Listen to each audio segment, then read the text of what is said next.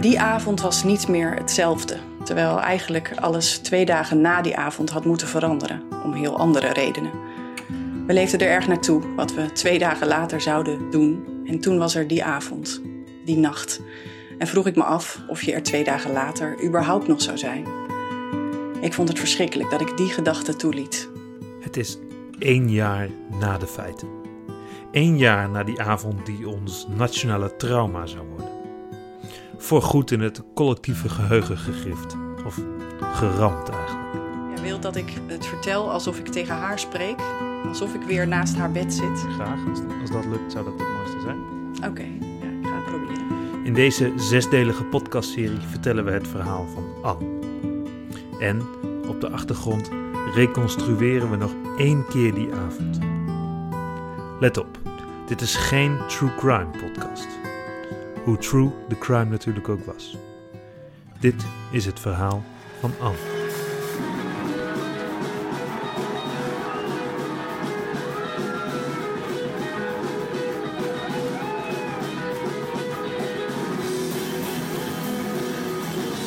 Dit is aflevering 1. Yvette. Als ik terugga naar die avond, naar die zaal, dan zie ik steeds dat licht. Een voorgeprogrammeerd en repeterend lichtprogramma. Oneindig. Blauw en groen licht. Bewegende spots lieten lichtbundels door de concertzaal glijden. Steeds diezelfde kleurvolgorde, steeds datzelfde patroon. Het blauw en het groen werden alleen soms onderbroken door rood licht. Die rode lampen reageerden op geluid. Een piek in het volume liet de hele zaal een moment baden in rood licht. Toen het gebeurde, er was veel rood toen het gebeurde. Hoe anders was het licht wat een paar uur later op je scheen. Ziekenhuislicht. Ironisch genoeg kwamen groen, blauw en rood ook in het ziekenhuis weer terug. Het witte ledlicht had een blauwige gloed, zoals een bleke huid dat ook kan hebben. De apparaten rond je bed hadden groen oplichtende displays en de drukknop van het alarm was een rood lampje. Het zat aan het uiteinde van een lang snoer wat losjes om je bedhek was gewikkeld. Het alarm hing vlak bij je hand. Zo kon je er direct bij als het nodig was. Als je je hand had kunnen bewegen.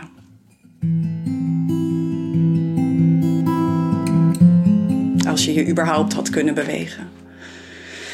Als ze je niet slapend hadden gehouden.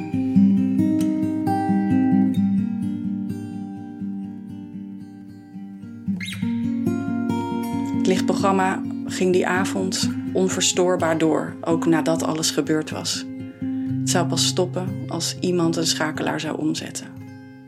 Het duurde lang voordat dat gebeurde. Tot die tijd bleven de lichten door de zaal glijden. Ze belichten de gruwelijke gevolgen van de ramp.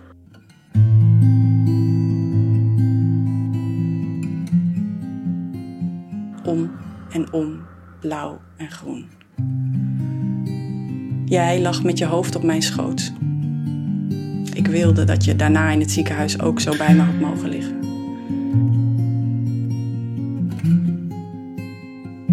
Je lag op mijn schoot. Je gezicht was nat. In het halfdonker en groene licht leken wij een beetje op elkaar. Dat was in het volle licht anders. Dan verbleekte ik bij je. Jij was zo'n schoonheid. Misschien nog wel extra mooi omdat je er zelf geen idee van had. Zelfs later die avond, toen je daar lag met slangen in je mond en in je neus, vond ik je nog prachtig. Je lag op mijn schoot. Je gezicht was nat. Ik bewoog mijn vingers door jouw haar. Om ons heen vertraagde bewegingen. De luchtdruk veranderde. Je hoofd lag op mijn schoot zoals je ook vaak lag als we gevreden hadden die ochtend nog. Het spijt me als het ongepast is als ik deze beelden met elkaar in verband breng. Maar ook die ochtend liet ik mijn vingertoppen over je gezicht glijden. Mijn andere hand lag op je borst en bewoog rustig mee met het ritme van jouw ademhaling. S'avonds lag mijn hand weer op je borst. Je ademde onrustig, al het geluid verdween. Ik probeerde je te helpen om je ademhaling onder controle te krijgen. De luchtdruk nam verder toe. Een vacuüm. Het was drukkend en oorverdovend stil. Ik weet niet hoe ik het beter kan omschrijven. We kenden elkaar die dag precies 169 dagen. Ik werd er rustig van dat uit te rekenen. Tel kalmeerde. 169 dagen, dat is nog geen half jaar. Het voelde zoveel langer. Van de 50 halve jaren die we toen allebei leefden, is het er nog niet één, maar het was alsof we al jaren samen waren. Alsof we elkaar al jaren kenden. Het klinkt wat theatraal, maar ik kon me na 169 dagen geen leven zonder Anne, zonder jou meer voorstellen. Die nacht aan het ziekenhuisbed probeerde ik dat gevoel te vergelijken met vrouwen die een kind kregen. Zij beschrijven dat soms zo, dat ze sinds ze moeder zijn ze zich niet meer kunnen voorstellen dat het kindje er ooit niet was. Ik had om allerlei redenen direct spijt van die vergelijking. Ik vond het altijd moeilijk om in gesprekken te refereren aan moeders, al was het zijdelings. Jij, jij vond dat onzin, dat wist ik. Je wilde erover spreken als over ieder onderwerp. Vooral omdat er de laatste tien jaar al genoeg over was gezwegen. Ik probeerde me eroverheen te zetten, maar merkte dat ik er liever niet zelf over begon. Of eigenlijk, als jij het initiatief niet nam om te spreken over je moeder of überhaupt over moeders, vermeed ik het onderwerp. Vermeed ik het woord. Ik kon het woord niet in mijn mond nemen zonder het onmiddellijk lading te geven. Stom hè? Ik heb geprobeerd uit te zoeken waar mijn ongemak vandaan kwam. Jij wilde daar niet in meegaan. Jij wilde gewoon dat ik ophield met die moeilijkdoenerij over jouw moeder. Zo noemde je het. Ik herinner me dat je mijn ongemak rondom je moeder eens vergeleek met stoppen met roken. Je hoeft niet helemaal te doorgronden waarom je rookt. Je moet er gewoon mee stoppen. In het begin noemde je mijn aarzelingen nog enigszins liefkozend onnozel. Later werd je strenger. Het is mijn moeder, niet die van jou. Daarom vond je ook dat jij mocht bepalen of iets nog voorzichtigheid nodig had. Je moet me geloven dat ik het onderwerp echt heb geprobeerd te ontladen, maar ik vond het moeilijk. Ik maakte er die nacht in het ziekenhuis ook weer een ding van voor mezelf, terwijl ik alleen maar wilde zeggen dat ik een overeenkomst zag. Sinds ik jou ontmoette, kon ik me geen leven meer voorstellen zonder jou. Als je had gekund, had je gezegd dat ik me aanstelde. Ik had er veel voor over gehad om je dat te horen zeggen. Nog steeds eigenlijk. Sorry als ik wat warrig spreek, maar dit is het gesprek wat ik met haar had die nacht. Wat ik tegen haar zei. Dat was ook warrig, maar ik kan het me allemaal woordelijk herinneren. Niet zozeer omdat mijn teksten die nacht zo memorabel waren, meer omdat ik ze in de dagen die volgden minutieus optekende in mijn kladblokken en mijn dagboeken. En ze daarna zo vaak herlas. En misschien vooral omdat die avond en die nacht terugkwamen in ieder gesprek dat ik daarna voerde met mijn psycholoog. Maar het gaat niet over mij. 169 dagen eerder waren we op dat malle festival.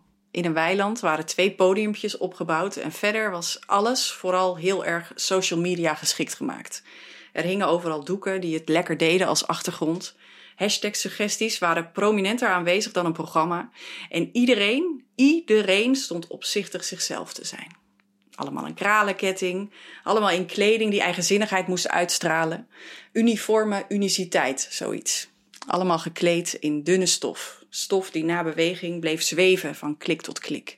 Niet van beat tot beat, muziek was achtergrond, bijzaak. Zwevende stof, van cameraklik tot cameraklik. Daar ging het festival uiteindelijk over. Gezien en gefotografeerd worden, al dan niet door jezelf. Op dat festival zagen wij elkaar voor het eerst. Ik zag jou al snel. Het duurde even voor je mij ook zag. Tussen iedereen die heel bewust zichzelf en zo echt stond te zijn, zag ik jou. Jij voelde echt echt. Je bekommerde je niet om hoe er naar je gekeken werd. Je bewoog je lijf omdat je danste, muzikaal, intuïtief. Niet omdat sommige bewegingen het beter doen op beeld dan andere. Je danste met je ogen gesloten en je armen wijd. Je danste in jouw vakje. Dat vakje moet ik uitleggen. We zijn het jouw vakje gaan noemen. Jouw vierkante meter dansruimte. Jouw mini-territorium. Het is nog steeds een mysterie hoe je het vakje opeiste. Maar je kreeg het bij ieder concert of festival voor elkaar. Ongeacht hoe druk het was. Ongeacht waar je was. Je deed het bij die massale dansfeesten, maar ook bij dat metalconcert waar we per ongeluk belanden. Weet je het nog? tussen die bebaarde mannen met even vervaalde tatoeages als spijkerjasjes. Ook daar creëerde je jouw vakje, jouw vierkante meter vrijheid. Zelfs ik stapte niet zo snel in je vakje. Je moest me erin uitnodigen. Jouw mysterieuze vak. Jouw heilige en veilige vierkante meter. Jouw vrijheid. En de reden dat je hier ligt. Of nee, de reden dat jij hier ligt.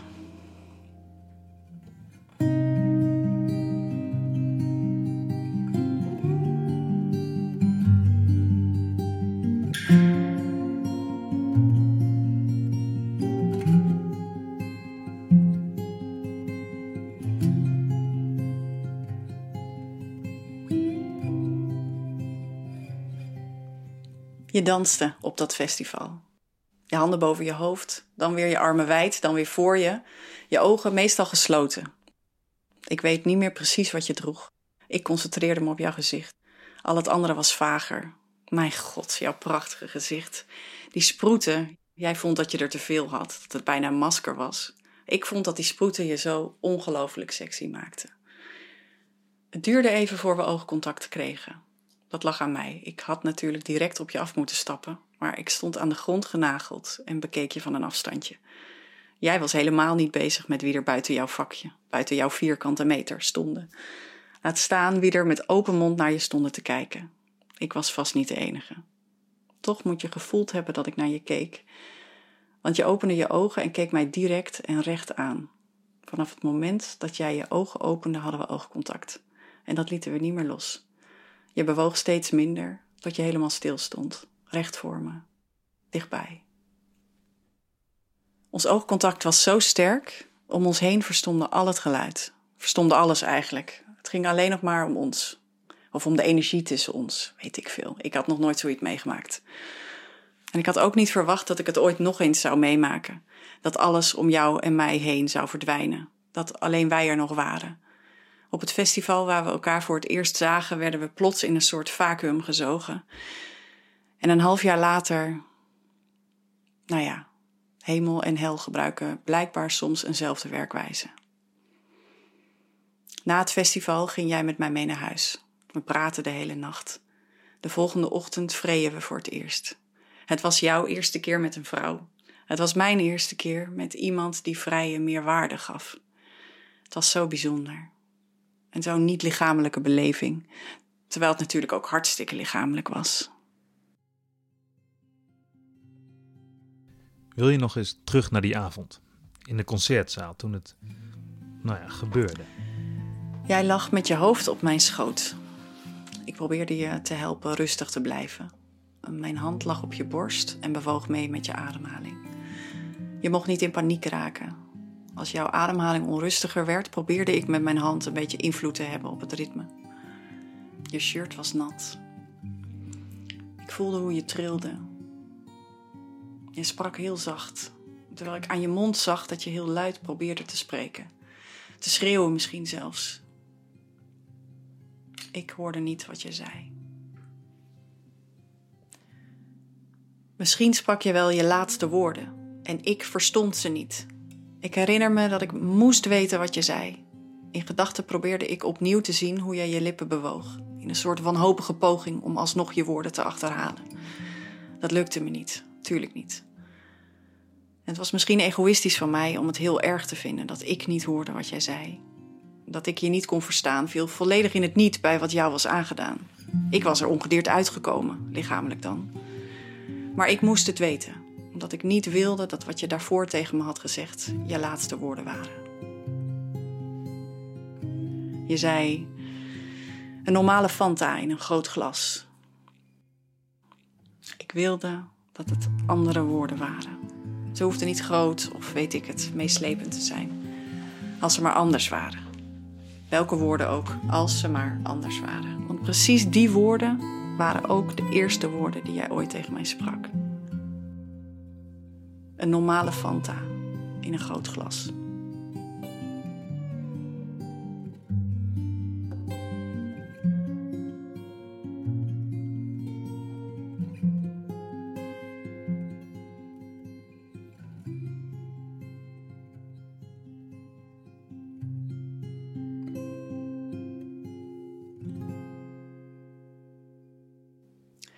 Jij vindt het misschien stom dat ik zo graag wilde dat je niet dat zei. Maar als dat echt de laatste woorden waren die je tegen me sprak, dan was de cirkel rond. En dat mocht niet. Want dat zou betekenen dat je doodging. En je mocht niet doodgaan, Anne.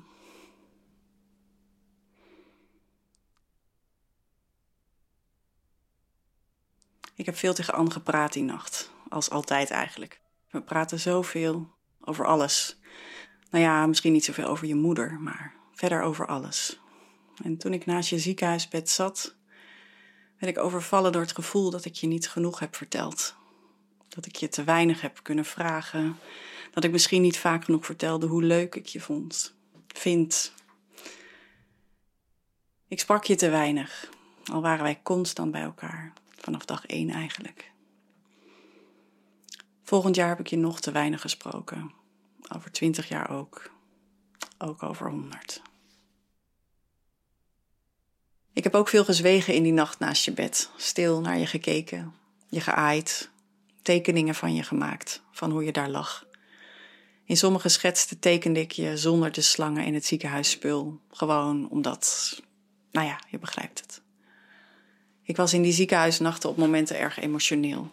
En ik weet dat ik soms tegen je sprak alsof het voorbij was, dat je er niet meer uitkwam. Dat wilde ik niet, want het was niet voorbij. Maar het was zo'n vreselijke nacht. En ik deed zo mijn best om mijn paniek lang genoeg te onderdrukken. Vooral voor jou. In paniek had je niks samen. Het was allemaal zo verwarrend en ik kon het er met niemand over hebben. Als jij me had kunnen horen, jij had me begrepen, zeker. Daar hadden wij het eerder zo vaak over gehad, dat we elkaar zo goed begrepen. Jij mij, maar ik ook zeker jou. Ik begreep het als je gelukkig was, maar ook als je bang was. Ook als je bang was dat je je vader nog meer teleur zou stellen dan je al deed. Door te leven.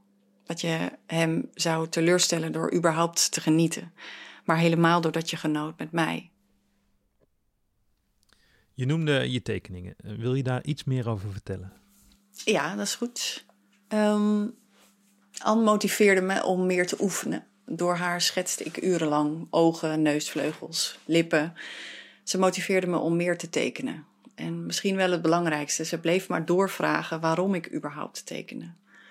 Ik heb altijd al geprobeerd om te tekenen, maar smeet zo vaak mijn potloden in de hoek omdat ik het niet goed genoeg vond wat ik maakte. Ik kon niet geloven dat iemand mijn tekeningen ooit zou willen zien. Ik had Anne nodig om in te zien dat dat echt een kutargument is om je potloden weg te gooien. Het gaat niet om anderen. Uh, ik moest leren tekenen voor mijzelf. En je moet oefenen om beter te worden, maar ook dat is voor jezelf dat anderen het mooi gaan vinden, is hooguit mooi meegenomen. Daar gaat het niet om. En ik werd echt beter. Mensen toonden steeds vaker interesse in wat ik tekende. Anderen wilden zien wat ik maakte. Ik heb altijd een schetsboek en een paar potloden bij me. En ik probeer veel te tekenen. Ik tekende ook tijdens die nacht in het ziekenhuis. In de dagen daarna in de wachtkamer, toen ik niet meer bij Anne mocht of kon zijn, schetste ik portretten van Anne in mijn boekje.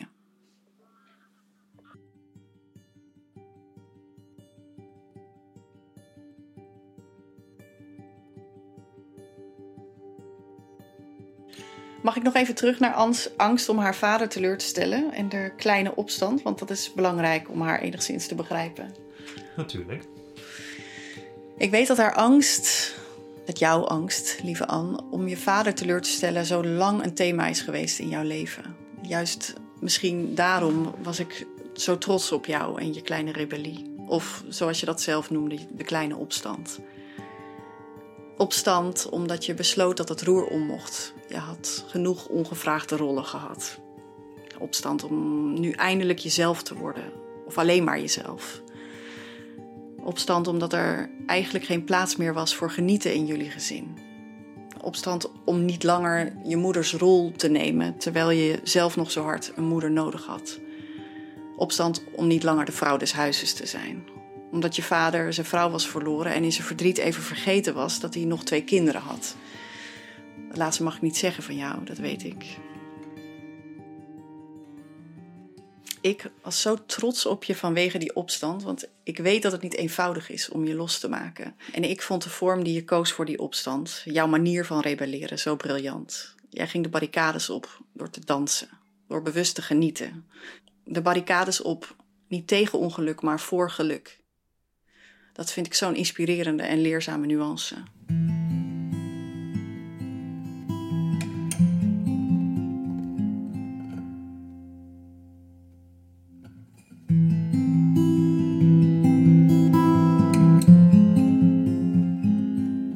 Jouw hoofd lag nog altijd op mijn schoot. Ik verplaatste mijn hand, streelde je haar. Mijn andere hand duwde ik iets steviger op je borst. Ik trok je iets meer tegen me aan.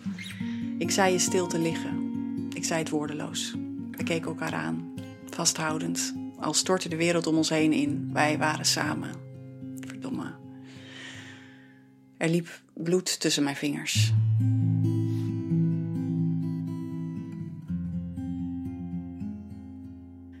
Je vader en broer konden ieder moment komen. Het ziekenhuis had hen waarschijnlijk al bereikt. Ik beloofde Anne, jou, dat ik me zou terugtrekken.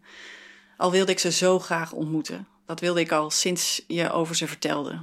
Omdat het jouw familie is, tuurlijk, maar ook omdat jouw familie zo bijzonder functioneert. Vergeef me de matige beeldspraak, maar ik zie jou toch als een bloem die tussen alle puin en wrakstukken door heeft weten op te komen. Zoiets. Hoe jij toch hebt kunnen worden wie je bent. Ik zou mijn nieuwsgierigheid onder controle houden. Dat was niet het moment. Niet net na de ramp, na opnieuw een ramp, terwijl de brokstukken van de vorige ramp nog niet opgeruimd waren. Jullie gezin functioneerde zoals het functioneerde door die brokstukken. Ik vond natuurlijk dat je beter verdiende, maar ik was ook gefascineerd door de situatie. Het was zo bizar dat toen die eerste ramp gebeurde, toen je moeder overleed, iedereen direct terugviel in traditionele rollenpatronen. Ik bedoel, zo traditioneel ben jij toch eigenlijk niet? Misschien gebeurt dat bij iedere ramp. De eerstvolgende vrouw in het gezin pakt de vrouwentaken en vrouwenrollen op. In ieder geval eventjes, omdat een beetje structuur en duidelijke taakverdeling helpt om te overleven. Maar welke traditionele rol pakte jouw broer en vader dan? Jij was de jongste. Ze hadden jou in bescherming moeten nemen in plaats van andersom. Jij was nog zo jong. Je voedde je broer op en zorgde voor voldoende luchtigheid om je vader niet nog verder teleur te stellen. Hij was al zo teleurgesteld in het leven, in de wereld. Jij zorgde ervoor dat een dag luchtig voorbij ging, dat er soms even werd gelachen aan tafel. Je zorgde dat de dagen zorgeloos passeerden. Dat vond je jouw verantwoordelijkheid. En ik denk dat dat jouw overlevingsmechanisme was, meer nog dan die andere vaste patronen. Als er maar genoeg zorgeloze dagen voorbij gingen, zou het verdriet wel verdwijnen. Dat je op vrouwen viel, dat je op mij viel, leek geen boodschap die paste in het luchtig laten passeren van de dagen. Je vader zag je met een man. Hij had, geloof ik, zelfs ooit gezegd dat dat hem weer wat geluk zou kunnen schenken. Als hij jou zou mogen weggeven aan een man die wel goed voor je kon zorgen. Als mijn vader zoiets had gezegd, was ik waarschijnlijk kwaad geworden of heel verdrietig. Maar jij niet.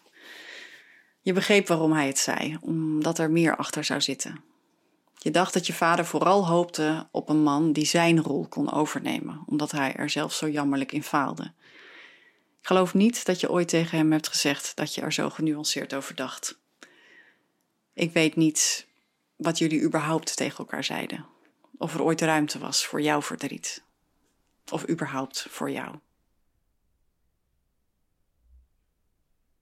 Misschien was jouw kleine opstand daarom wel zo hard nodig. Je moest het overlevingsmechanisme zien uit te schakelen. Het verdriet om je moeder was begonnen te slijten. Jullie hadden het alle drie overleefd. Het was tijd om de zogenaamde luchtigheid los te gaan laten en weer dichter bij jou te komen. Ter tijd dat je jezelf en je geluk weer belangrijker begon te vinden dan het gezin helpen overleven. Of misschien niet belangrijker, maar ook belangrijk. En waarschijnlijk was de kleine opstand ook nodig om uit de kast te komen. Ik merk dat ik strooi met theorieën en verklaringen om alles een beetje te begrijpen. Om jou nog beter te begrijpen. Om, nou ja, weet ik het. Twee dagen later zouden we gaan, eigenlijk. We zouden samen koffie gaan drinken bij je vader. Je zou me voorstellen, als je vriendin, als je geliefde. Dat was spannend, vond ik. Jij zei dat dat meeviel, maar ik heb nooit geloofd dat je dat echt vond. Je zou uit de kast komen bij je vader en en passant je vriendin voorstellen. Dat zou het summum zijn geweest van jouw kleine opstand. Je had bedacht om het heel droog te vertellen, dat was je plan. Alsof er vanuit de kast komen eigenlijk geen sprake was. Of dat het in ieder geval geen ding was, omdat een coming-out in deze tijd toch eigenlijk niet meer hoefde te zijn dan een mededeling. Het noemen bijna niet waard. De beste manier om iets niet langer bijzonder te maken is door er niet langer over te praten alsof het bijzonder is. Ik denk dat je dat jezelf een beetje probeerde aan te praten. Je overwoog zelfs om het hele gesprek over geaardheid weg te laten en mij gewoon voor te stellen, zoals iemand ook een vriendje voorstelt. Het was jouw opstand, maar dat heb ik je toch afgeraden. Een beetje naïef was je wel. Ik weet niet hoe je het uiteindelijk aan zou hebben gepakt. Ik weet niet of jij dat al wel wist. Voor mij was het ook spannend. Ik val al eeuwig op vrouwen en ben al eeuwig uit de kast. Maar ik ben nog nooit officieel voorgesteld als geliefde, nog nooit als vriendin. Als we het erover hadden, gaf je het, denk ik, niet het gewicht dat het eigenlijk had. Waarschijnlijk omdat je het toch spannend vond. Het betekende natuurlijk meer dan je vriendin voorstellen. Het was ook een kantelpunt. Het zou een gekozen rol betekenen. Je zou vrijer zijn vanaf dan.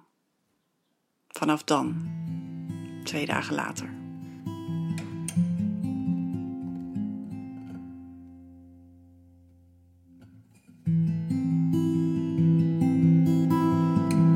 Die nacht, wakend naast je ziekenhuisbed, zag ik steeds weer die lampen. Alsof mijn hersenen me probeerden af te leiden van wat ik om me heen zou zien. Ik zag de lampen draaien, wiegen, dansen aan de hand van een automatisch programma. Blauw licht, groen licht. En als het volume piekte, rood licht. Het lichtprogramma stopte niet toen het gebeurde. Al dat rood, al dat rood.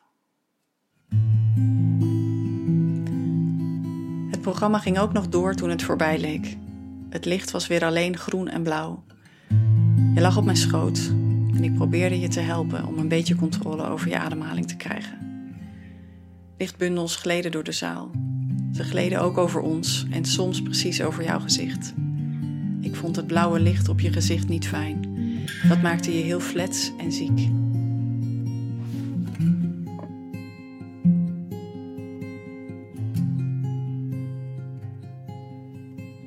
Twee dagen later had alles moeten veranderen. Maar alles veranderde die avond. De meest vreselijke en ongelooflijke manier denkbaar. Ondenkbaar. Nog twee dagen. Het had zo'n symbolisch moment moeten worden. Die bloem die groeide tussen alle puin en wrakstukken had haar knop naar de zon gedraaid en stond op het punt om te bloeien. En toen lag je ineens daar. Je was zo klein in dat ziekenhuisbed. Je was zo ver weg. En alle machines waren zo gruwelijk aanwezig.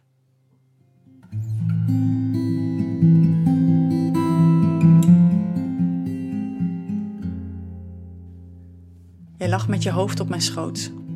Zweet parelde op je voorhoofd. Je gezicht was nat. Met mijn vingertoppen veegde ik haar uit je gezicht. Je ademhaling was onrustig. Ik maakte zachte, sussende geluiden. Ik weet niet of je ze hoorde. Je probeerde te spreken, steeds weer. Ik verstond je niet. Wat zei je toch? Ik moest het weten.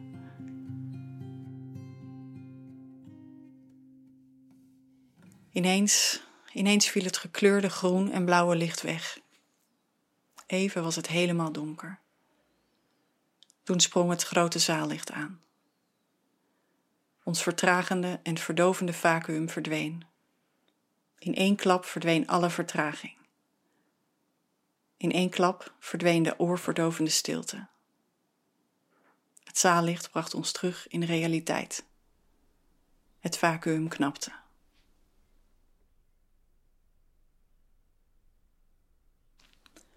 Om ons heen klonk een vreselijk gekrijs. Paniek. In de verte hoorde ik sirenes. Ik keek naar je. Er parelde geen zweet op je gezicht. Het was bloed. Je probeerde weer te spreken. Misschien had ik je moeten zeggen niet te praten om energie te sparen, maar ik moest het horen. Ik probeerde me af te sluiten voor alle geluiden om me heen en concentreerde me op jou. En toen hoorde ik het. En ik zal het nooit vergeten. Het waren geen woorden, hooguit klanken. Je, kreunt. Je spreekt niet. Je reutelt. Je hebt ongelooflijk veel pijn.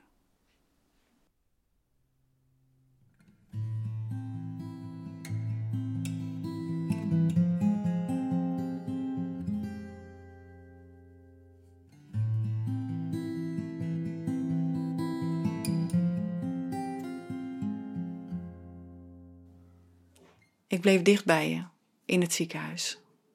Je vader en broer waren er bijna. Ik hoorde dat het ziekenhuis hen bereikt had.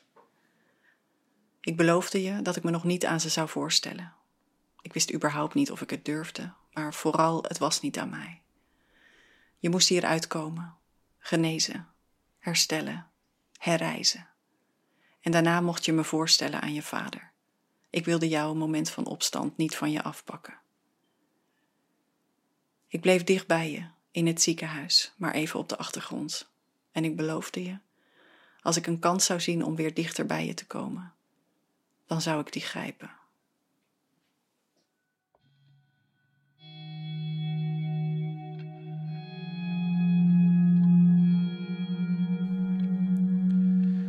Dank. Over twee weken aflevering 2. Broer.